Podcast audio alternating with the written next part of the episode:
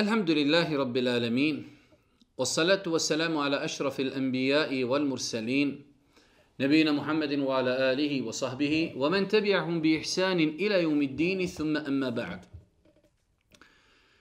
رب اشرح لي صدري ويسر لي أمري واهل العقدة من لساني يفقه قولي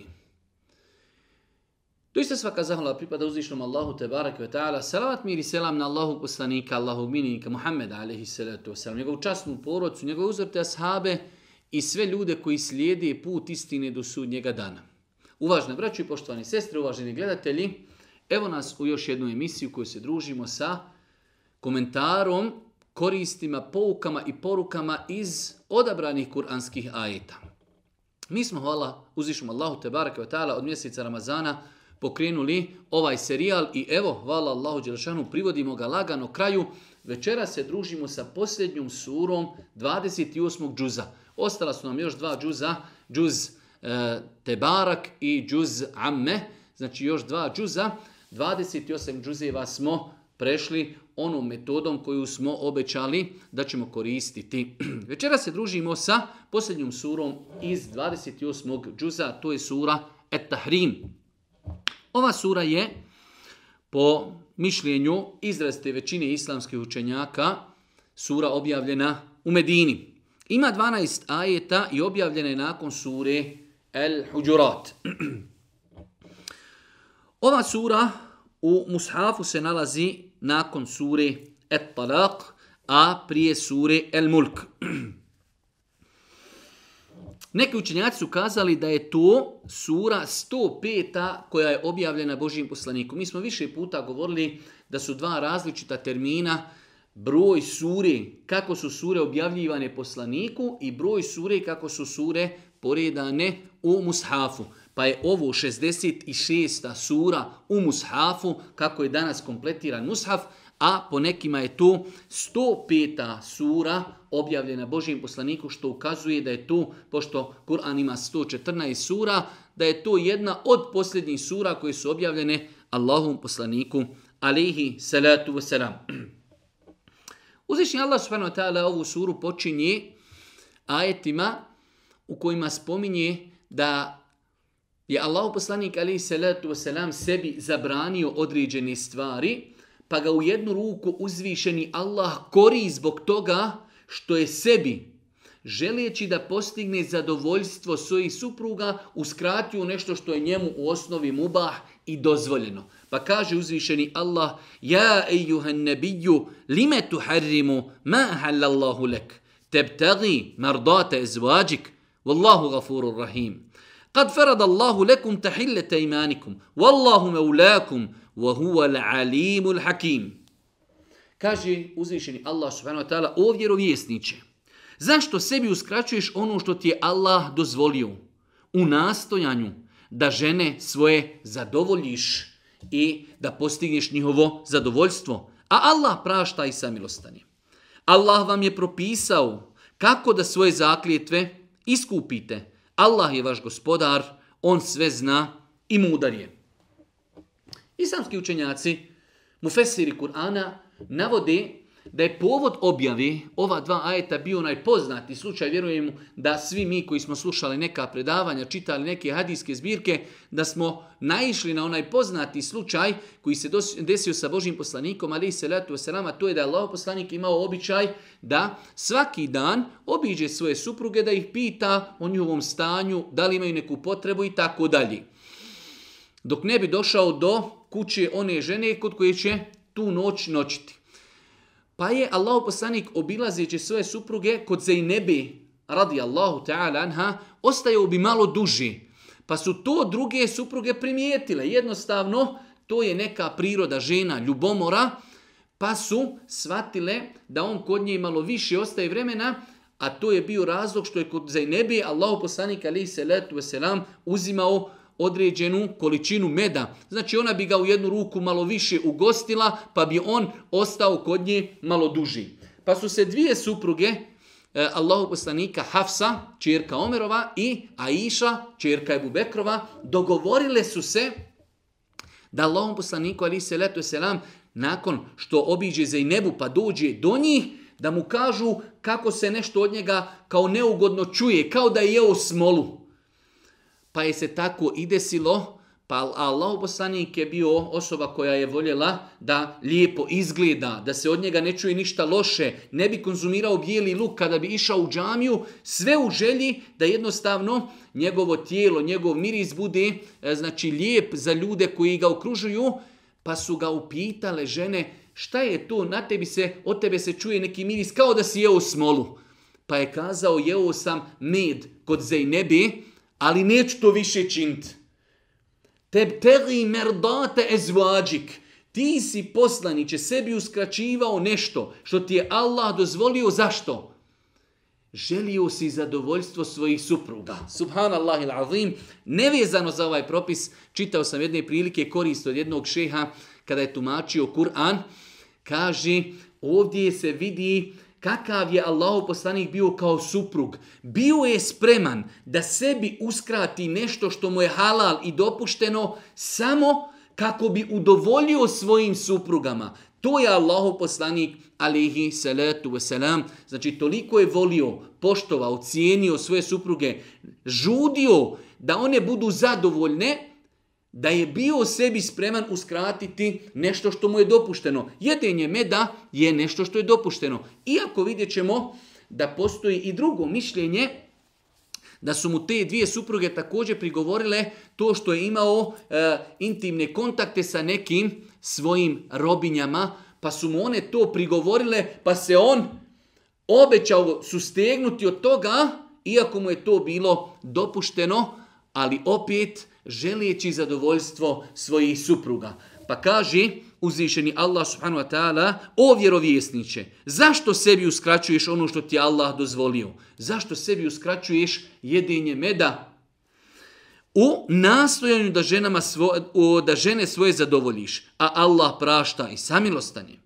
Allah vam propisuje kako da svoje zakljetve iskupite. Allah je vaš gospodar, on sve zna i mudar je. Uzvišnji Allah subhanahu wa ta'ala nakon što je pojasnio Božijem poslaniku i ukorio ga zašto to činiš sebi, e, uskraćuješ i zabranjuješ nešto što ti je dopušteno, uzvišeni Allah subhanahu wa ta'ala pojašnjava kako čovjek da se iskupi za prekršenu zakljetu. Mi kada smo komentarisali suru El Ma'ide, e, Detaljno smo govorili u jednom od predavanja, možda više od pola predavanja smo govorili o propisima koji se vezuju za zakljetvu. Pa znači u ovom slučaju insan ako se zaklijete da neće nešto jesti što je u osnovi halal ili znači e, e, sustegne se od toga, tomu se smatra kao vid zakljetve, pa je uzvišeni Allah s.w.t. pojasnio odma nakon tog ajeta da je propisao, dozvolio kako i na koji način da se vjernici iskupe od zakljeti. Pa kaže uzvišeni Allah, Allah vam je propisao kako da svoje zakljetve iskupite. Allah je vaš gospodar, on sve zna i on je mudar.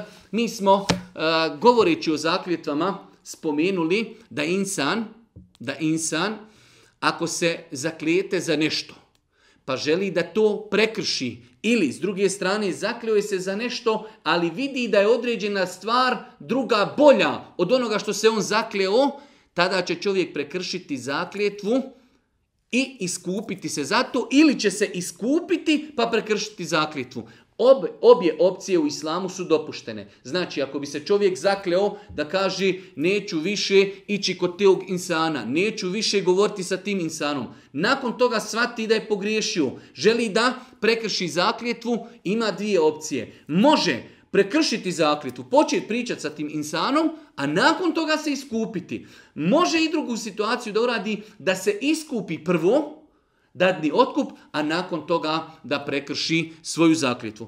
Mi smo kazali da velik broj ljudi ima e, pogrešno uvjerenje kada je u pitanju zakljetva, pa ćemo čuti ljude kako dosta puta govori m, zakljio sam se, prekršio sam zakljetvu, postiću tri dana, što nije ispravno. Uzvišnji Allah sve tela kada govori o iskupu za prekršenu zakljetu, postavljuje tri stvari na odabir. Ili da se oslobodi rob, ili da se nahrani deset siromaha hranom koju mi konzumiramo, prosječnu hranu, ili da odjene deset siromaha. Ove tri stvari su na odabir. Ili, znači čovjek hoće prekršiti zakljetu, može se iskupiti na jedan od tri načina. Koji god hoće.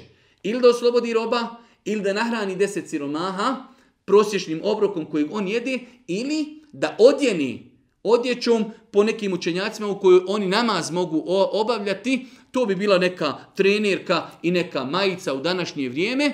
Ove tri stvari, znači 10 siromaha odjenuti, 10 siromaha nahranu, nahraniti ili osloboditi roba. Ove tri stvari su na odabir. Ako čovjek ne može ni jednu od ove tri, prelazi na post tri dana. A neispravno je, ovo zapamtite, po konsenzusu učenjaka, neispravno je prijeći na post, iskupljivati se postom, a mi možemo nahraniti deset siromaha ili možemo odjenuti. Pa je veoma bitno da naučimo večeras ovu veliku korist ako se desi da se insan zakune za nešto. Nakon toga želi da prekrši tu svoju zakljetvu, on to može urati na dva načina, ili će se iskupiti pa prekršiti zakljetvu, ili će prekršiti zakljetvu, nakon toga se iskupiti. Iskupit će se na način ili će nahraniti deset siromaha, ili će ih odjenuti, ili će sloboditi roba. Ako ne može ni jednu, tek nakon toga prelazi na ispaštanje, odno iskupljivanje na način što će postiti tri dana.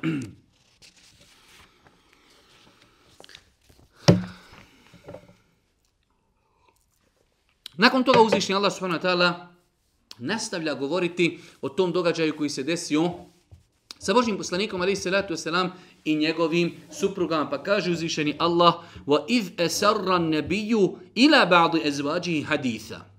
بَعْضِ nebe'et bihi wa نَبَّأَتْ Allahu alaihi arrafe ba'dahu wa a'rada an ba'd. بَعْضٍ فَلَمَّا bihi qalet men مَنْ hadha qale قال al alimul الخبير In te tuba ila Allahi faqad sagat kulubukuma. Wa in te zahera alih, fa inna Allahe huwa maulahu, wa Jibrilu, wa salihu l-mu'minin, wal melaiketu ba'de zalike zahir.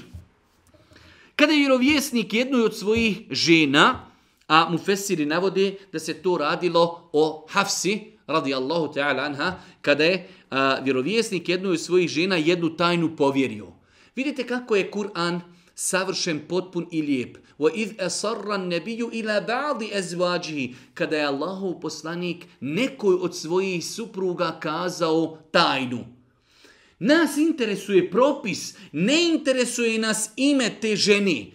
Na dosta mjesta u Kur'anu imate, kada Allah Žešanu u suri e, e, Jasin kaže, pa je došao čovjek s kraja grada. Nema imena ali je nama bitan postupak tog čovjeka i na mnogo drugih mjesta Allah Đelešanhu ne spominje imena ljudi, ne spominje imena mjesta, jer nam to nije bitno. Nama je bitan postupak, nama je bitan propis.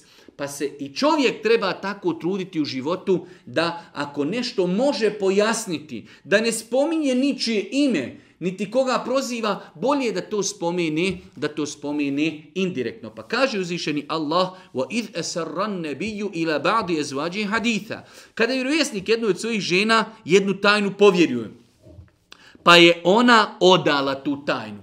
Kažu neki da se to odnosi na onaj slučaj e, jedenja meda ili onaj slučaj da je Allah poslanik sebi uskratio e, intimni kontakt sa svojim robinjama. E, iako opet uzvišeni Allah to nije spomenuo, kaže kada je vjerovjesnik jedu od svojih žena jednu tajnu povjerio. Pa je ona odala tu tajnu, a Allah je to njemu otkrio. Allah poslanik je to njoj kazao i uzeo od nje obećanje da to neće nikom kazati. Ali svi smo mi griješni i svi imamo svojih mahana. Nije se mogla ona strpiti, nije se mogla strpiti pa je odala. Allah je to njemu otkrio. On joj je bio jedan dio kazao, a ostalo prešutio. Poslije njoj Boži poslanik kazao da zna šta je ona kazala, ali nije sve. Opet nije detaljisao. Dovoljne da joj da do znanja, da je ona pogriješila, da je obećala da neće nikome kazati i da je to odala i da je pronevjerila emanet kojeg je ponijela. I kad je on s tim nju upoznao, ona je upitala, a ko ti je to kazao? On je rekao, kazao mi je onaj koji sve zna i kom je ništa nije skriveno. Kale ne be'ni el alimul habir. Kada je Allah poslani tu svoju suprugu obavijestio da je ona drugoj ženi to kazala, Allahu poslanik joj kazao, spomenuo je neke detalje šta je ona njoj rekla. Pa se ona začudila. Iako u osnovi e, žene Allahu poslanika to su najuzoritije vjernice, one su znale da Allahu poslanik ali se letu selam dobiva objavu, ali u datom momentu kao što Aisha radijallahu ta'ala kaže kada je bio u pitanju kada je bio u pitanju onaj događaj potvori, kaže, nisam smatrala sebe toliko bitnom da bi uzvišeni Allah o meni objavio ajete. Mislila sam, kaže, će Allahu poslanik u snu vidjeti neko rješenje za ovu potvoru. I u ovom slučaju ona pita ko ti je rekao Allahu poslaniće, ona zna da Allah poslanik dobiva objavu i da ga uzvišeni Allah može o svemu objaviti, o obavijestiti, ali jednostavno nisu smatrale da je to toliko veliko i bitno da će uzvišeni Allah Božijeg poslanika objavijesti o tome, pa kaže uzvišeni, e, kaže Allah poslanik, ali se letu vasram, odnosno riječi uzvišnog Allaha subhanahu wa ta'ala u ovoj suri, kale ne be'ni alimul habir, kazao je, Kazao mi je onaj koji sve zna i kome ništa nije skriveno. Kazao mi je onaj koji sve zna i kojem nije ništa skriveno. Mnogo je bitno da čovjek sebe, učijeći Kur'an, odgaja ovim Allahovim dželešanu subhanahu ta'ala imenima. Allah sve zna, ništa mu nije skriveno. Naša dobra djela on zna i naše grijehe on zna i naše loše navike zna i ono što radimo tajno zna i što radimo tajno on zna. On zna šta je u našim grudima iman ili licemjerstvo ili ne daj Bože nešto lošije i tako dalje. Tako da insan učeći Kur'an odgaja sebe Pogledajte kako Allahu poslanik odgovara, obavijestio me je onaj alimun koji zna sve, habir kojem ništa tajno, kojem ništa nije tajno. Nakon toga uzvišnji Allah subhanahu wa ta'ala obraća se suprugama Božijeg poslanika i poziva ih na pokajanje i teubu iz razloga što su se tako na takav način opodile prema Božijem poslaniku, ipak je to najodabraniji Allahu rob. Pa da se one preispitaju u svom obhođenju prema njemu, šta su one, hajde da kažemo, nije to velika greška, ali ipak to je Allahu poslanik, alihi salatu wasalam, pa kaže uzvišeni Allah, in te tuba ila Allah, fekad sagat kulubukuma, wa in te zahara alihi, فإن الله هو مولاه وجبريل وصالح المؤمنين والملائكة بعد ذلك ظهير Ako vas dvije učinite pokajanje Allahu, ako učinite i treba da učinite, to je poziv na pokajanje, jer ste prije toga uradile nešto što zaslužuje ukor, što zaslužuje da se preispitate, da analizirate svoje postupke prema Božijem poslaniku, ali se letu selam, ako vas dvije učinite pokajanje Allahu, pa vi ste bile učinile ono zbog čega ste se trebale pokajati, a ako se protiv njega udružite, pa Allah je zaštitnik njegov, i Džibril, i čestiti vjernici, i na, najposlije, i svi meleki će mu na pomoći biti. Uzvišen je Allah subhanahu wa ta'ala u jednu ruku podstiče ih na teubu i pokajanje, a s druge strane ih zastrašuje. Nemoj da budete, nemoj da budete inađije, nemoj da budete ohole, pa da ne prihvatite savjet gospodara zemlje i nebesa da se pokajete uzvišenom Allahu zbog vaših obođenja prema Božijem poslaniku, ali se letu jer ako se vi uz oholite i ako se urotite vi protiv poslanika, njega će pomoći Allah i Džibril i dobri ljudi i meleci. Nemoguće je pobjediti nekoga koga pomaži Allah i dobri vjernici i Džibril i ostali i ostali meleki.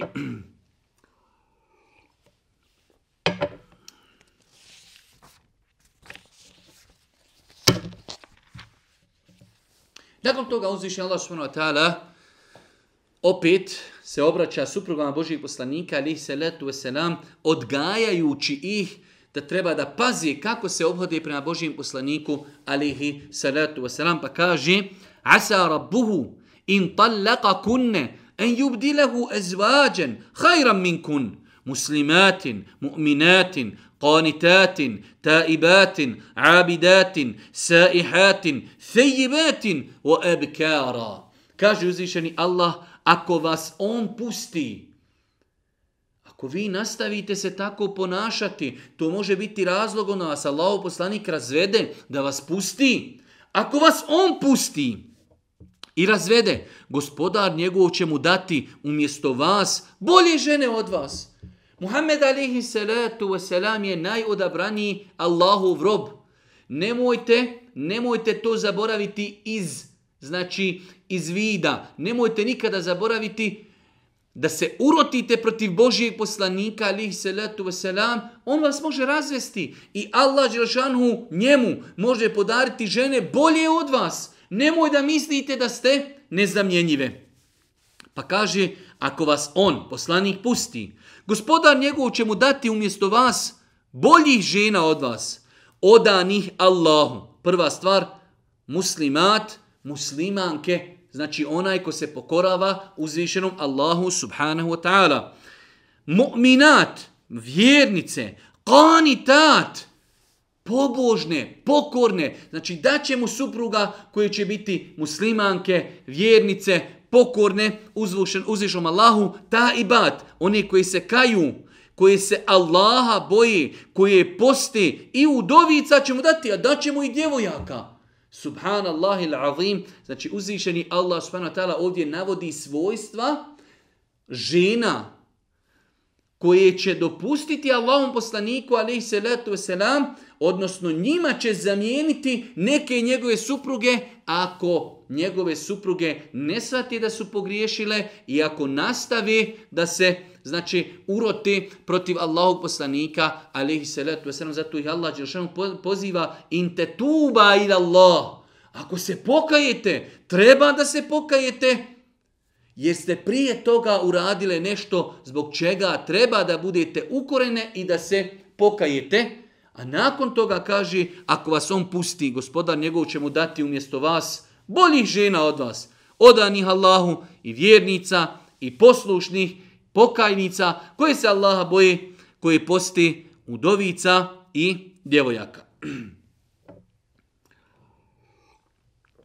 Nakon što je uzvišen Allah subhanahu wa ta'ala u prvih pet ajeta govorio o ovim, e, o ovim događajima koji se dešavali između Allahog poslanika, alihi salatu wasalam, njegovih supruga, u šestom ajetu i sedmom već počinje znači da se govori o nečemu što skoro pa i nije vezano za ovu temu. Kaže uzvišeni Allah, Ja ejuha alladine amenu, ku anfusekum wa ahlikum nara, wa kuduha nasu wal hijjara, عليها ملائكة غلاظ شداد لا يعصون الله ما أمرهم ويفعلون ما يؤمرون يا أيها الذين كفروا لا تعتذروا اليوم إنما تجزون ما كنتم تعملون دواء آيتا كما يقول الله سبحانه وتعالى أبرجا سي سويم ربوهما فكاجي O vi koji vjerujete, o vi koji tvrdite za sebe da ste muslimani, da vjerujete u Allaha, da vjerujete u meleke, da vjerujete u poslanike, da vjerujete u sudnji dan,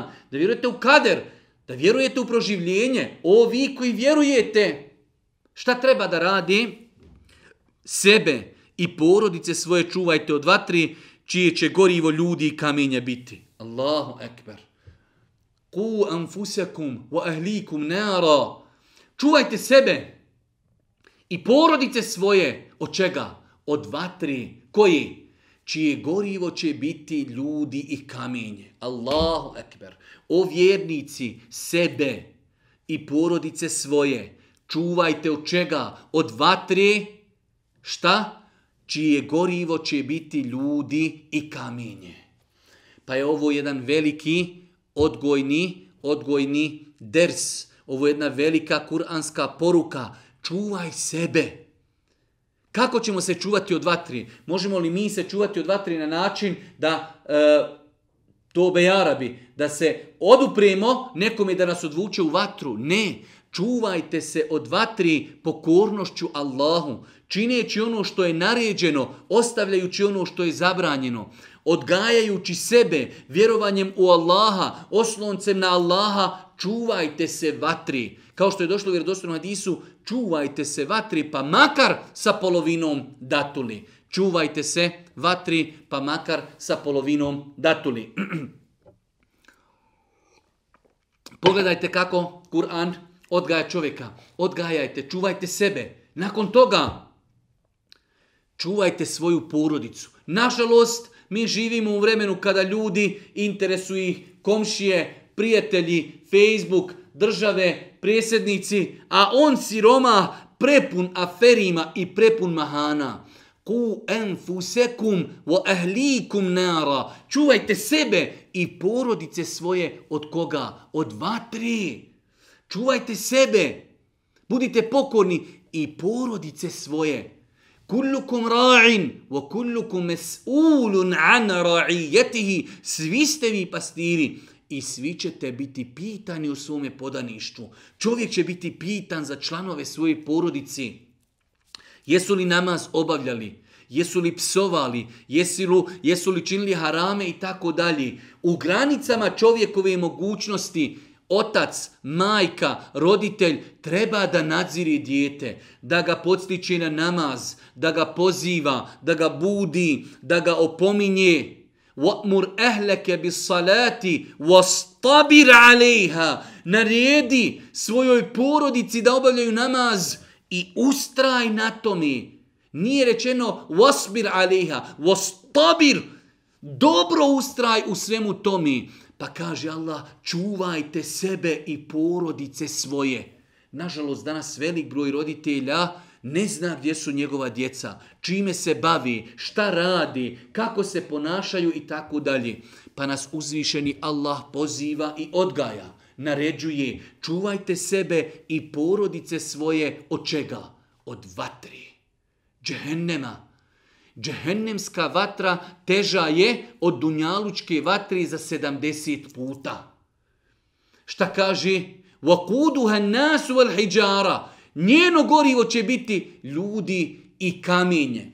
Kažu, kažu neki mufesiri da se ovdje na kamenje misli kamenje sumpora. Znači u džehennemu zajedno s ljudima će goriti i kamenje. A kažu neki mufesiri ovo sumporno kamenje ima pet odlika. Prva stvar jeste da se brzo zapaljuje to sumporno kamenje, brzo se zapaljuje, brzo dolazi do reakcije. Druga stvar, kada gori, sagorjevanje luči ružan miris. Brzo gori, brzo se zapaljuje, ružno smrdi, dim, nastaje veliki neugodni dim prilikom sagorjevanja ovog kamenja, lijepi se za čovjekovo tijelo i na kraju zadnja stvar jeste da e, postiže veliku temperaturu. Pa to kamenje koje ima pet ovih negativnih osobina, ono će biti zajedno u džehennemu sa ljudima koji će biti kažnjava, kažnjavani džehennemskom vatrom. O vjernici, čuvajte sebe i porodice svoje od vatri džehennema čije gorivo će biti ljudi i kamenje. وقودها الناس والحجارة عليها ملائكة غلاظ شداد لا يعصون الله ما أمرهم ويفعلون ما يؤمرون O toj vatri u kojoj će biti ljudi i kamenje će se brinuti meleki, strogi i snažni. Strogi, nema milosti. Plači koliko hoćeš, ječi koliko hoćeš, moli koliko hoćeš. Šidadun, gilavun, šidadun, strogi, žestoki, kako su već prevedeno, strogi i snažni, koji se onome što im Allah zapovjedi neće opirati i koji će ono što im se naredi izvršiti. Ono što im Allah naredi, oni će izvršiti bez pogovora. Nakon toga, uzvišeni Allah se obraća drugoj kategoriji ljudi. Prva kategorija su vjernici. O vjernici čuvajte sebe, to vam je najveći prioritet. Najveći prioritet nakon toga vam je vaša porodica. Ostavite se, ostavite se nekoga tamo koga ne poznajete. Nakon toga kaže ja ejuhellezine kefaru la ta'taziru al-yawm inma tujzauna ma kuntum ta'malun o nevjernici O vi koji niste povjerovali u Muhammeda, o vi koji ne vjerujete u Allaha, subhanahu wa ta'ala, danas se nemojte pravdat. Na sudnjem danu, kada počnu ljudi da se pravdaju, la ta'teziru, nemojte se danas, nemojte se danas pravdati, kažnjavate se samo za ono što ste zaslužili. I nema tuđi zeune, Zasluga vam je to šta ste radili. Dosta puta smo govorili kroz komentar ovih ajeta da Allah Žešanu kaže bima kuntum ta'melun u džehennem zbog onoga što ste radili, u džennet zbog onoga što ste radili. O vjernici, nemojte se danas izvinjavati i nemojte opravdanja svoja iznositi, nemojte se pravdati, samo se kažnjavate zbog onoga što ste radili. Radili zbog nepokornosti, zbog grijeha, zbog nevjerstva i kufra.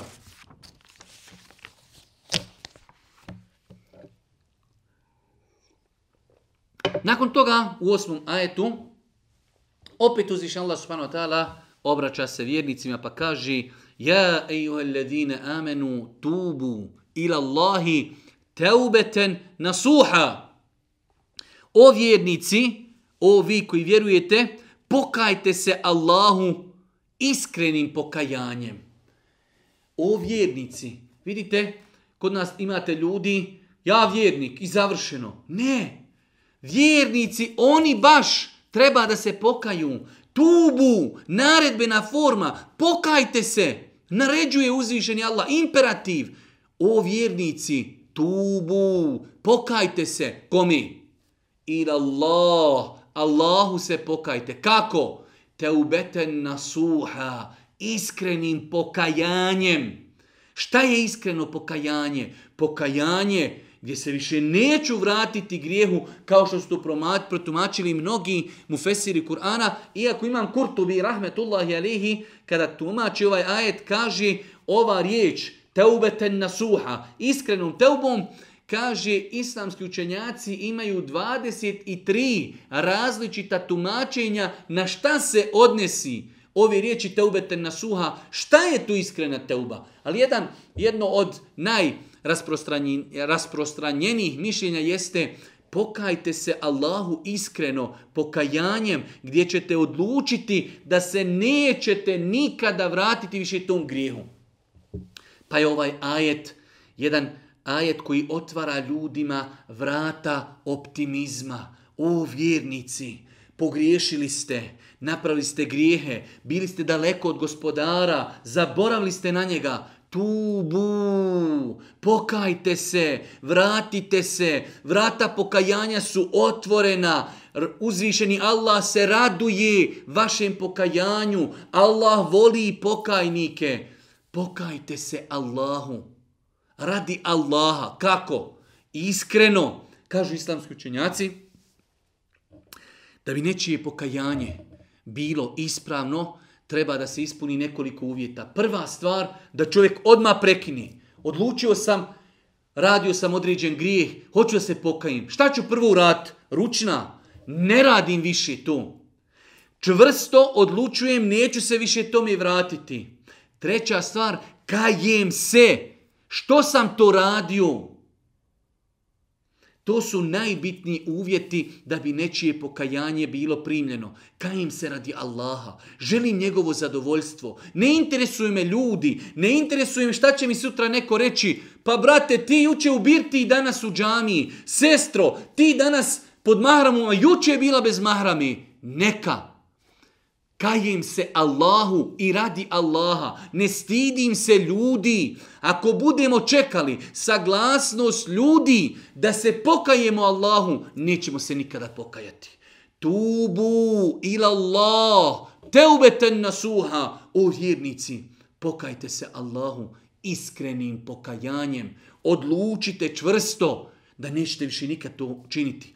Pokajte se u duši, u duši neka vam bude teško što ste činili te grijehe. Zamolite Allaha da vas učrsti, da vam oprosti, da pređe preko vaših loših grijeha i loših postupaka koje ste činili. Šta proizilazi nakon pokajte se Allahu iskrenim pokajanjem? Da bi gospodar vaš preko ružnih postupaka vaši prošao, prešao i da bi vas u dženecke baše kroz koje će rijeke teći uveu na dan – u kojem Allah neće osramotiti vjerovjesnika i one koji su zajedno sa njim vjerovali da ih uvede u džennet, u džennetske bašte, u danu kada Allah neće poniziti.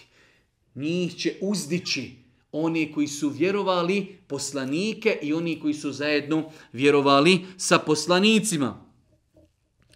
Svjetlo njihovo će ići ispred njih i njihove desne strane, gospodaru naš govorići. Rabbena, etmim lena nurana, gospodaru, govorići oni, učini potpunim svjetlo naše i oprosti nam, jer ti doista sve možeš.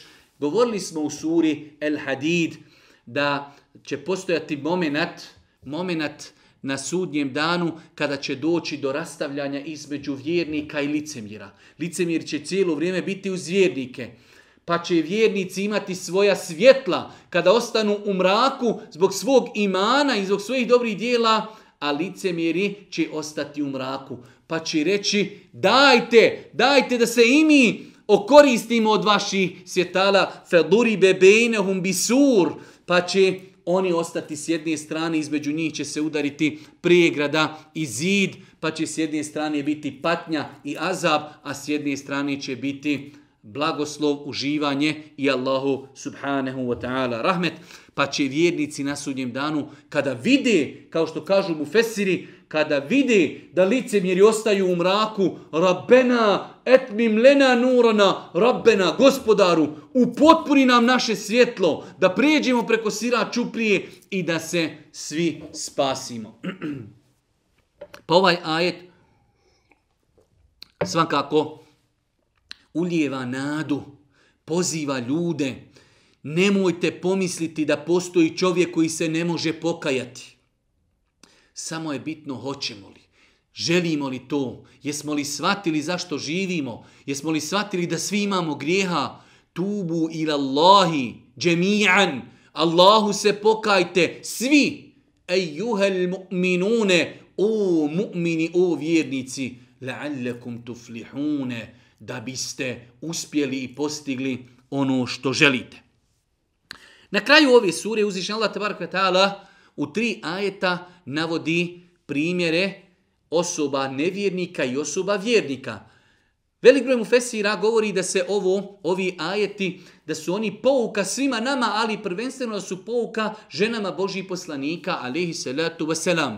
Da insan ne mora značiti ako si u nečoj blizini, da ćeš uživati privilegije njegove blizini.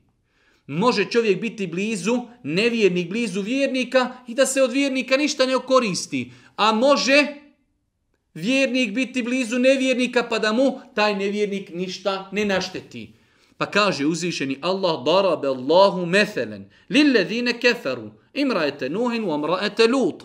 Kaneta tahta abdejni min ibadina salihajni fehanetahuma. Kaneta فلم يغني عنهما من الله شيئا وقيل ادخل النار مع الداخلين وضرب الله مثلا للذين امنوا امراه فرعون اذ قالت رب ابن لي عندك بيتا في الجنه ونجني من فرعون وعمله ونجني من القوم الظالمين ومريم ابنه عمران التي احسنت فرجها فنفخنا فيه من روحنا فصدقت بكلمات ربها وكتبه وَكَانَتْ مِنَ الْقَانِتِينَ Kaže uzvišeni Allah, Allah navodi kao pouku onima koji ne vjeruju. Oni koji ne vjeruju, navodi se primjer osoba koje nisu vjerovale. Iako su bile blizu istini, blizu u donjalučkom žargonu kazano blizu vatri, mogle su se ogrijati. Allah navodi kao pouku onima koji ne, že, e, ne vjeruju ženu Nuhovu i ženu Lutovu bile su udate za dva čestita roba naša. Žena Nuhova i žena Lutova nisu bile muslimanke. Allahu ekbar. Muškarci, muževi u njihovim kućama dobivaju objavu od svoga gospodara i najbliže osobe njima ne vjeruju u njih. Ne vjeruju u njihovo poslanstvo kaneta tahta abdejni min ibadina salihajni. A bile su udate za dva naša odabrana čestita roba. Neće da vjeruju. Subhanallah il azim. Ovo je Allahov hikmet i mudrost. Nekada se oko određene osobe toliko trudiš. Ali Allah ne, ne želi uputu tom insanu, odnosno taj insan ne želi uputu. A neko daleko od bilo koga stigne ga uputa zbog čistine njegovog srca. Kao što je suprotan primjer supruga Faraonova. Kaže uzvišeni Allah. Žena Nuhova i žena Lutova bile su udate za dva čestita roba naša. Ali su prema njima licemjerne bile. Fehane tehume. Pa su iznevjerile. Treba znati da se ovdje misli da su iznevjerile. Fehane bile su prema njima licemjerne, a ne iznevjerile, ne daj Bože, su počinile blud, jer kaže Ibnu Kathir, rahmetullah, jalehi drugim u Fesiri, uzvišeni Allah iz počasti prema svojim poslanicima nije dozvolio ni dopustio da ikada u historiji čovečanstva supruga nekog poslanika počini blud. Nikada. Bez obzira nisu vjerovale, ali su bile moralne. Ali hane te hume, one su se prema njima licemjerno obhodile, pa kažu islamski učenjaci da se to odnosi da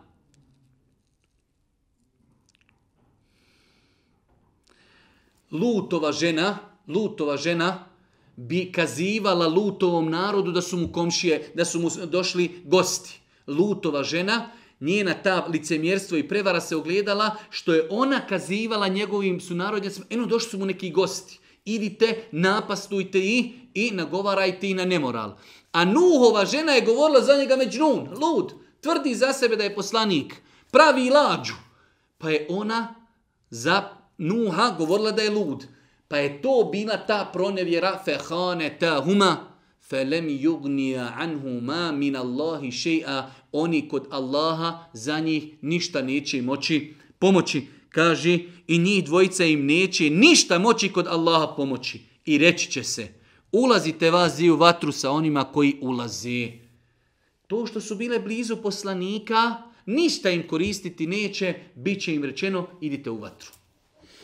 Nažalost, mi moramo uzeti pouku iz ovoga. Danas imamo ljudi, ja sam iz ugljedne poroci, ja sam iz familije, moje prezime, moj dedo, moja nana, mašala, mašala ali gdje si ti?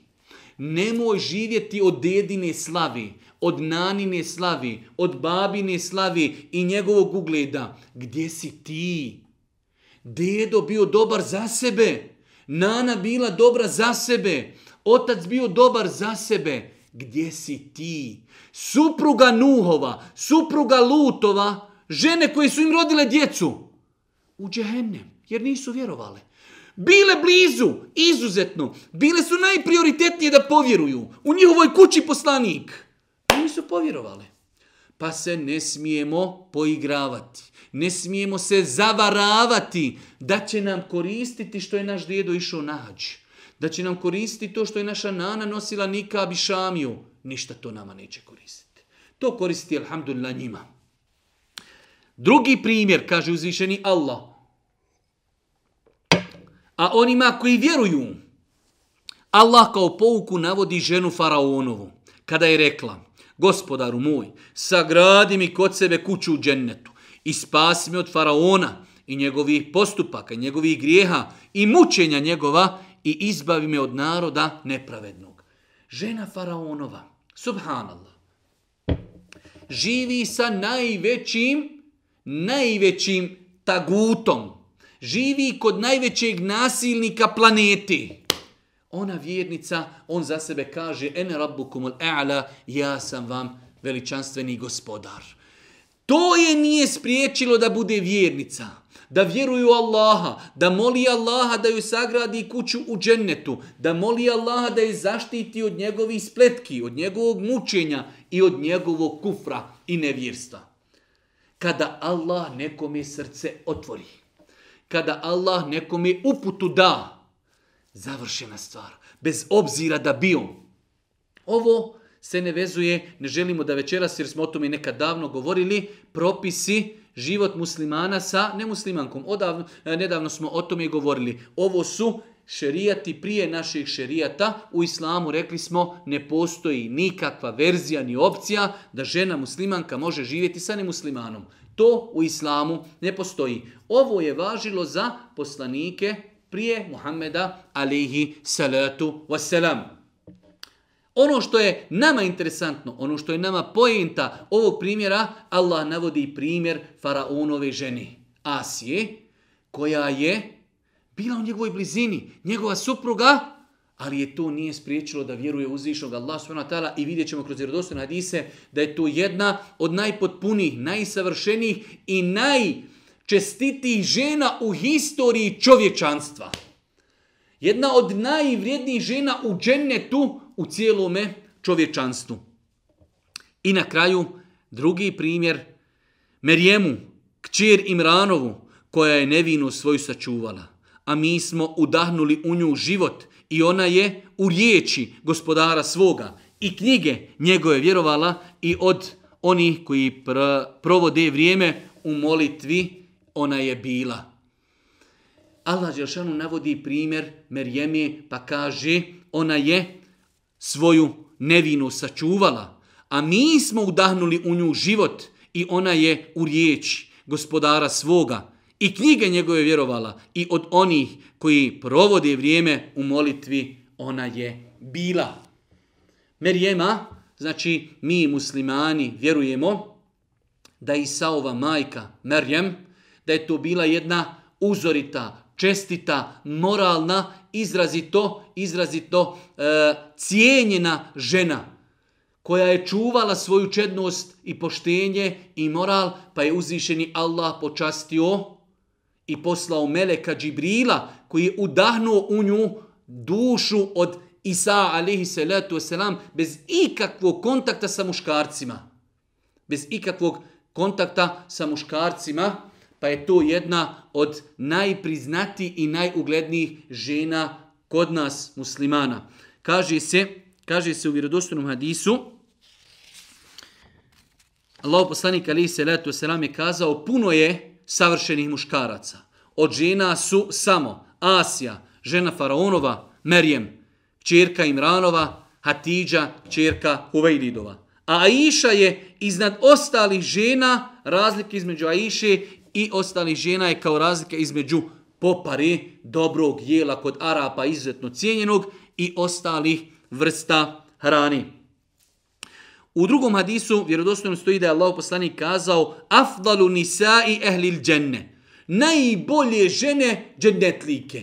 Kaže Allah poslanik, to je Hatidža, njegova supruga, Fatima, njegova čerka, Merjema, čerka Imranova i Asija, čerka Muzahimova, a supruga Faraonova četiri najuglednije žene u džennetu. Hatidža, supruga poslanika, Fatima, njegova, supru, njegova kćerka, Hatidža, supruga, Fatima, kćerka, Asija, supruga Faraonova i Merjema, Merjema, čerka Imranova, oca i majka Isa, alihi salatu wasalam.